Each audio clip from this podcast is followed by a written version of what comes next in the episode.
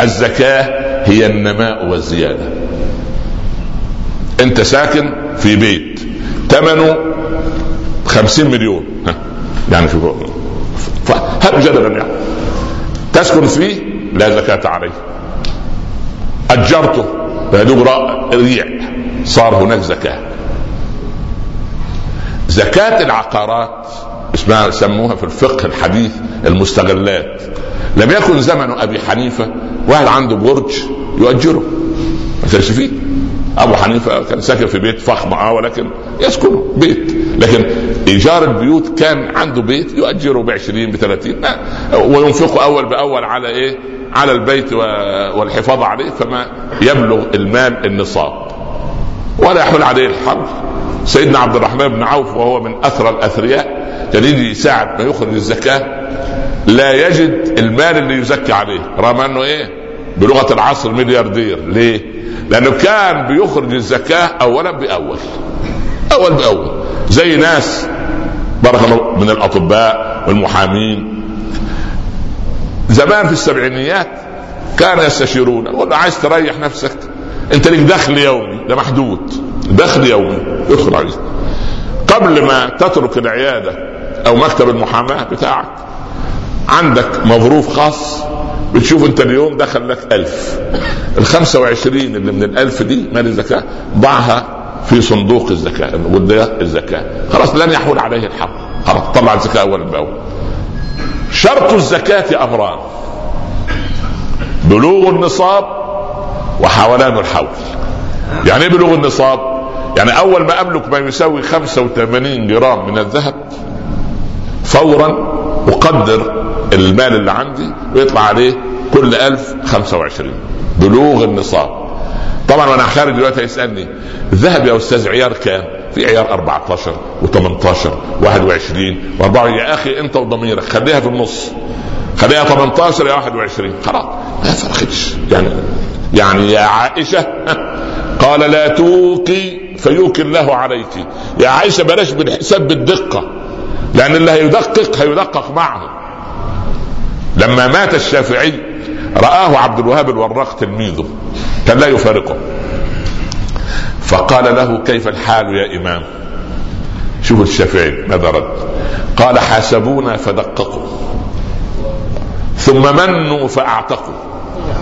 هكذا تصنع الملوك بالمماليك ترفق إن قلبي يقول لي ولساني يصدق. كل من مات مؤمنا ليس بالنار يحرق. شو الكلام الحلو؟ خرج وعنده أمل في رحمة الله. هارون الرشيد وهو ينازع يقول يا مالك السماوات والأرض يا من لا يزول ملكه ارحم من قد زال ملكه. شوف التملق إلى الله مطلوب. التودد إلى الله مطلوب. دايما ادعو الله دايما بالليل والنهار يا رب لا تعاملني بما أنا أهله. عاملني بما أنت اهله الأعرابي ينازع. أولاده حواليه. قال إلى أين أنا ذاهب؟ ولا راح فين الآن؟ قالوا يا أبويا أبونا والله يا والدنا أنت رايح لقاء الله عز وجل. قال عند الكريم؟ قال نعم. قال إن الكريم إذا حاسب عفا. يلا. الكريم لما يحاسب لأن طبيعته كده. قلنا إن تعريف الكريم لا يسأل من أعطى ولا كم أعطى. وهذه لا تليق إلا بالله عز وجل. يعني أي كريم يقول له يا فلان والله عايزين منك مساعدة. يقول لمن وكام؟ صح ولا لا؟ جمعية فرد مريض يتزوج يسأل. من؟ آه حق طبيعي. لكن الله عز وجل لما يطلع له الراجل مثلا مثلا بوتين هذا. ولا سلف خروتشوف أو أي حد من أو لينين أو وهو يقول لا إله. لينين كان يقول لا إله. كارل ماركس كان يقول لا إله والحياة مادة.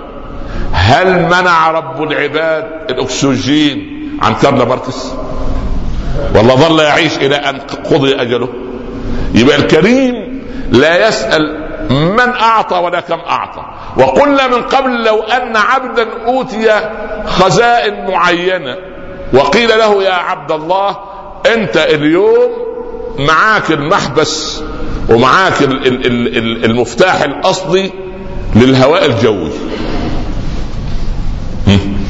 وأنت تعرف أن حماك حماه الله مثلا يعني والد زوجتك يعني اللي طلع عينيك على مدى كم سنة يسكن في المنطقة الفلانية. هتعمل إيه؟ يقول أبو أبو دي يتنفس كل يوم هواء. ليه؟ قنن الهواء. مش الناس بيخوفونا الآن علماء البيئة أن الغد هيجي أزمة المياه صح ولا لا؟ إحنا بنبسط لهم العملية. يا عم لما تنتهي المياه وما تكونش موجودة أصلا مش هيكون في الحياة إيه؟ حد عايش خلاص يبقى الحياة خلاص سبحان الله. انتهى الموضوع. أنت أنت تعبنا دي معاك. إحنا من الواجب نرشد استهلاك المياه. وحبيبنا صلى الله عليه وسلم يحافظ على البيئه ويقول لا تسرف ولو كنت على نهر جاري. فالكريم سبحانه هو الذي لا يسأل من أعطى ولا كم أعطى. خلاص؟ طيب. ناتي للزكاه بلوغ النصاب حوالين الحول أحسب الزكاة بالشهر الهجري. إما المحرم أو رمضان أو موسم الحج اللي يعجبك. ثبت شهرا تحسب فيه أموال زكاتك. خلاص؟ سجل شهر معين. خلاص؟ فأنت وأنت تسجل خلي بالك الناس اللي بيحسبوا زكاة المال بالعام الميلادي لو عاش دورتين في الحياة يعني إيه دورتين في الحياة؟ لو بلغ الإنسان 66 سنة يبقى مر عليه 33 وإيه؟ 33 كل 33 سنة ميلادية فيها سنة زيادة هجرية.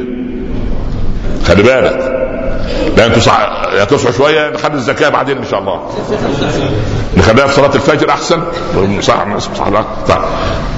كل 33 سنة يعني أنت إذا أخرجت الزكاة وفق يناير وفبراير هيجي عليك في دورة العمر. لو عبرت الستين وأنت تملك النصاب وحوالين الحول هتضيع السنة على الفقراء. يبقى الفقراء يوم القيامة يجوا يطالبوك بزكاة سنة. 66 يبقى سنتين. 99 يبقى ثلاث سنوات.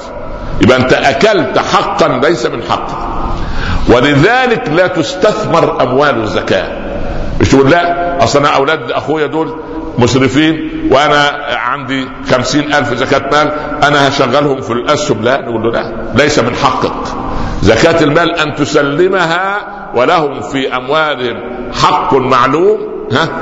مع مع معلوم إيه؟ معلوم إيه؟ ها؟ معلوم القدر معلوم الزمن معلوم القيمة ومعلوم الإيه؟ ليه قال في المزروعات وآتوا حقه إيه؟ يوم حصاده يوم حصاده.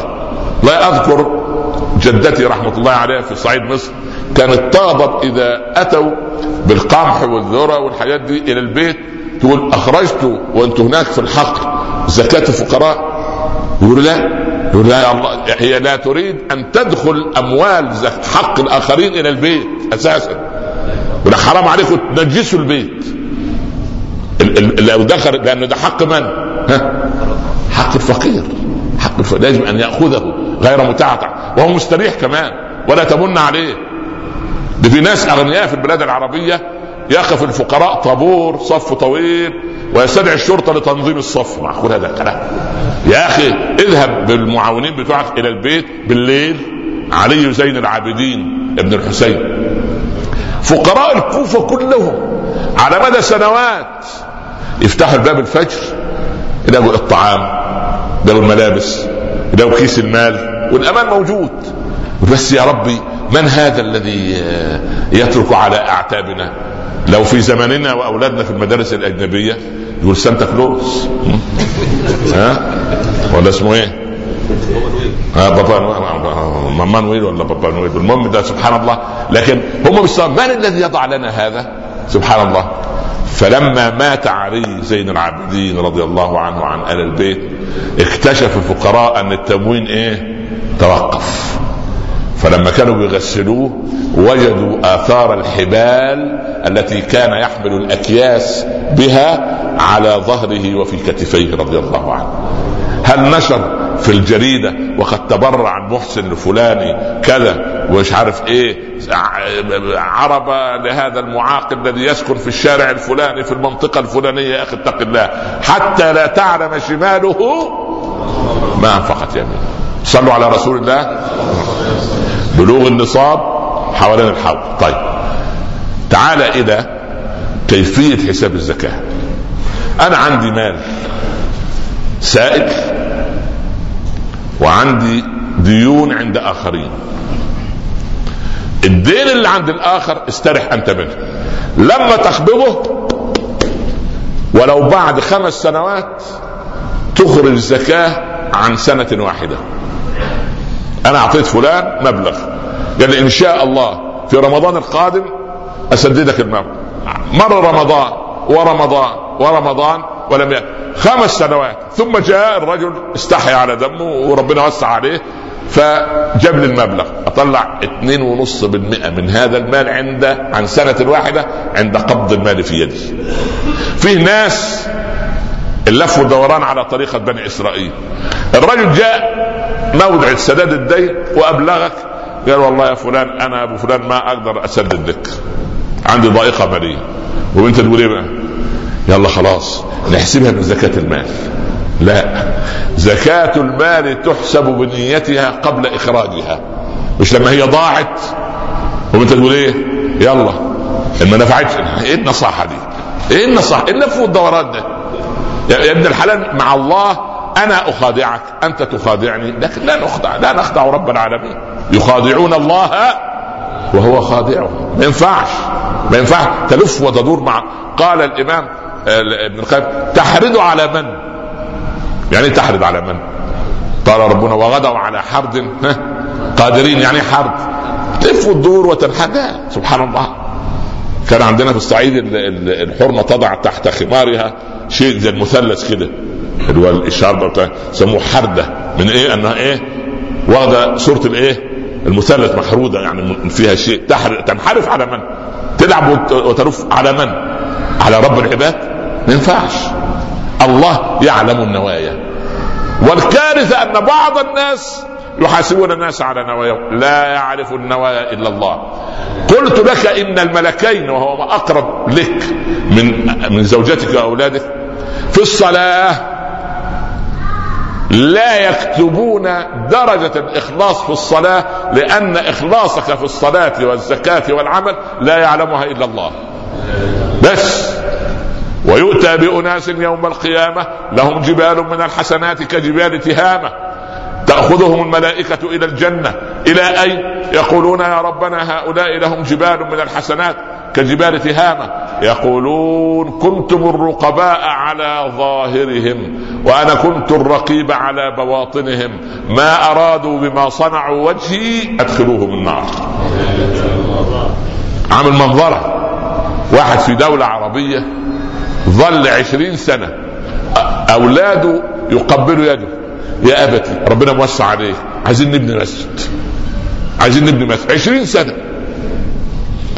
في مرة قبل دخول رمضان الأولاد اشتروا القطعة الأرض الفلانية على قارعة الطريق. خير يا أبو أنا عايزين نبني عليها مسجد. يا الله دي قطعة غالية جدا.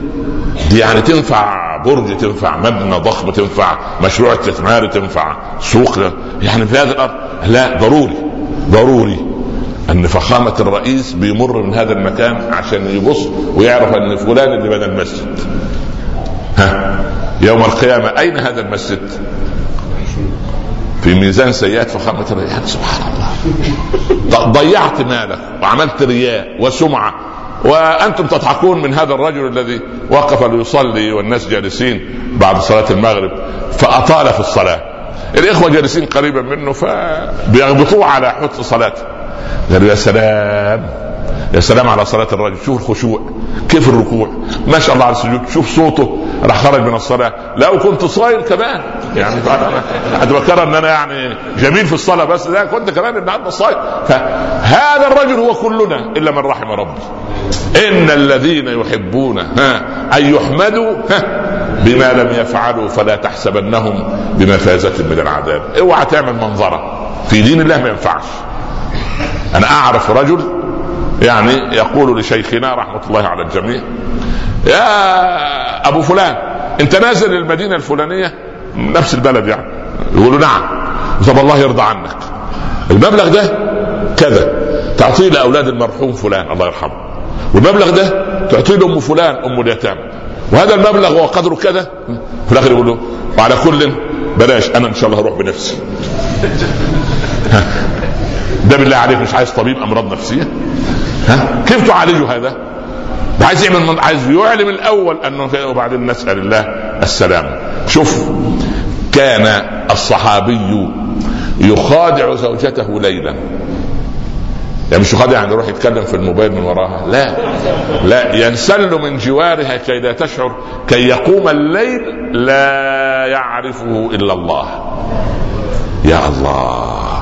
يخادع زوجته كما تخادع الأم رضيعها. الأم لما الولد الرضيع ينام تعمل إيه؟ تنسل من جوار عشان إيه؟ ما يستيقظ مرة ثانية ما يخلق لا يخلق. هكذا كان الأزواج الصالحون. اللهم اجعلنا منهم يا رب. ويتوب علينا جميعا. من اللي بالي بالك. المهم سبحان الله. نأتي للزكاة. حال الحول وبعدين الديون المرتقب عودتها. تنتظر لما تقبضها.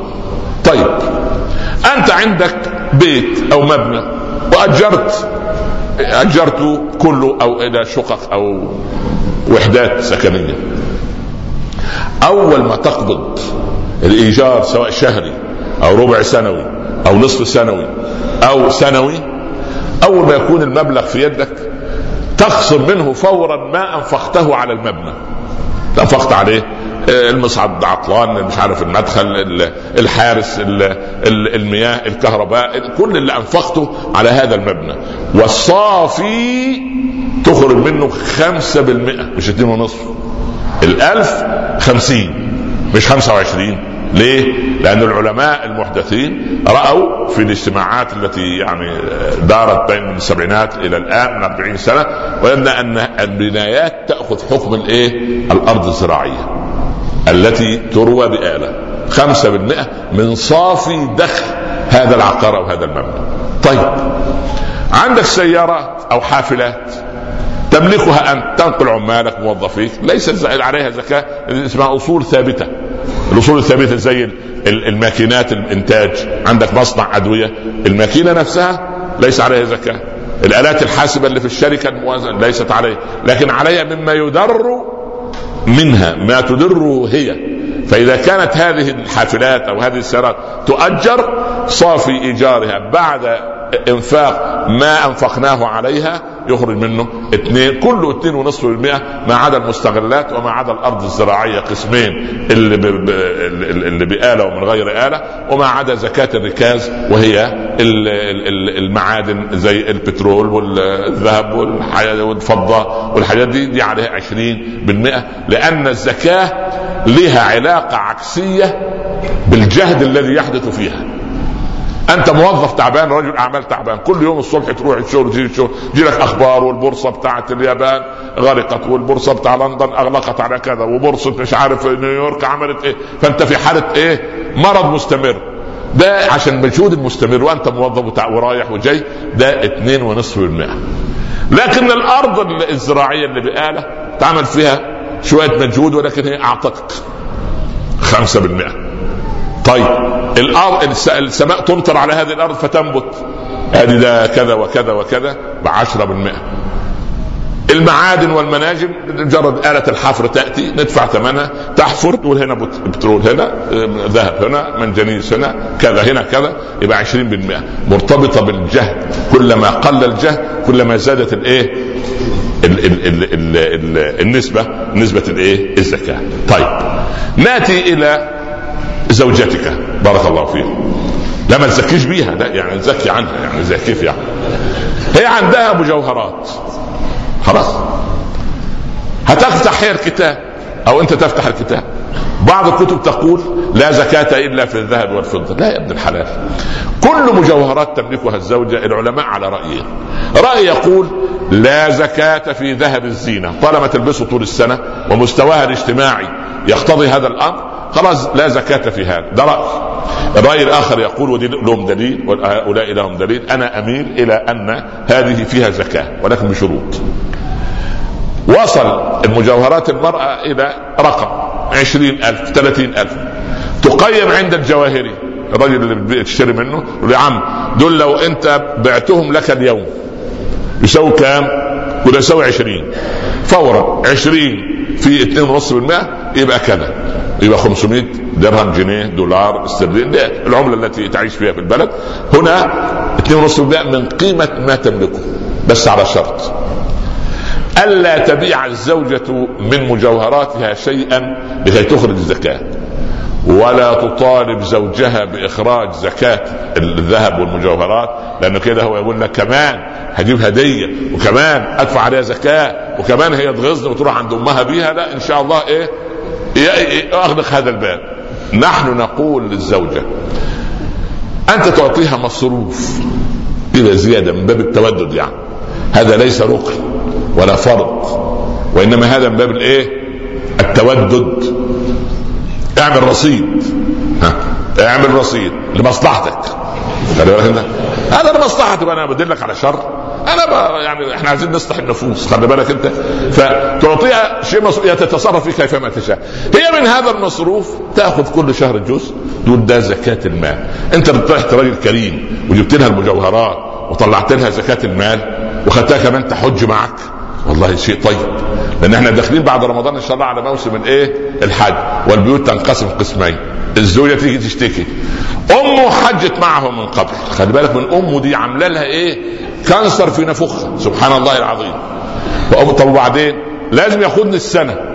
هو مش من حق الزوجة يا فضيلة الشيخ أن زوجها ياخدها الحج. لا. وليس ليس من شروط الزوجية أن يذهب الرجل بزوجته لتأدية مناسك لكن لو ربنا وسع عليه وأخذها.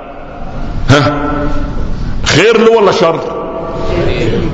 شوف ثلاثة بس اللي قالوا خير، المهم ما شاء خير. المهم هو خير طبعا، أكيد خير ليه يا أخي؟ أنت لو عندك موظف ها وعايز يتركك مكافأة نهاية الخدمة مش بتكرمه يعني ولا ولا هو إحنا مش أهل كرم ولا في يا إخوان؟ لابد أن لا ننسى الفضل بيننا، يقول ربنا ولا تنسوا الفضل بينكم، لكن الكلام اللي بنشوفه المحاكم وفي القضاء وفي النيابات وفي مخافر الشرطة وفي إصلاح المتصل هذا كلام ما علاقة له بدين الله يا أخي ملوش علاقة. المرأة الصالحة ماذا أو كيف تشكو زوجها لرسول الله صلى الله عليه وسلم؟ أنا لا أعيب عليه في خلق ولا دين. شوف الكلام الحلو. دخلت امرأة على عمر وقالت يا أمير المؤمنين طلقني من زوجي. سألها سيدنا عمر سؤال طبيعي لما؟ قالت نظرت إليه من قوة الباب وهو قادم مع إخوانه. أصحابه يعني ماشيين فوجدته أقبحهم وأنتنهم واردلهم الله أكبر. يا خبر أبيض. الدرجة دي اتكلي على الله. يا بلال نادي زوجها. المرأة وصفت الزوجة ثيابه متسخة. أظافره طويلة شعره أشعث. سيدنا عمر يا بلال من بيت المال أولا هات الحجام. الحلاق يعني. احلق له شعره خليه يقص أظافره. خدوا حميه في بيت يعمل له كده إيه؟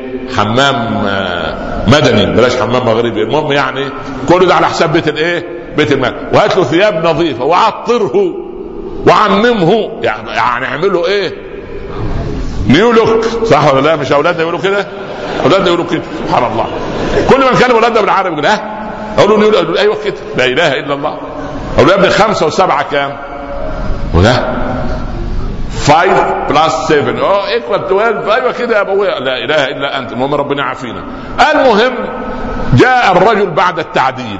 عمر خده جنبه. اجلس. قالوا نادي المرأة. وهمس عمر عندما تأتي أمسك يدها. الحرمة دخلت. مغضة البصر جلست. وجدت واحد بيمد يده.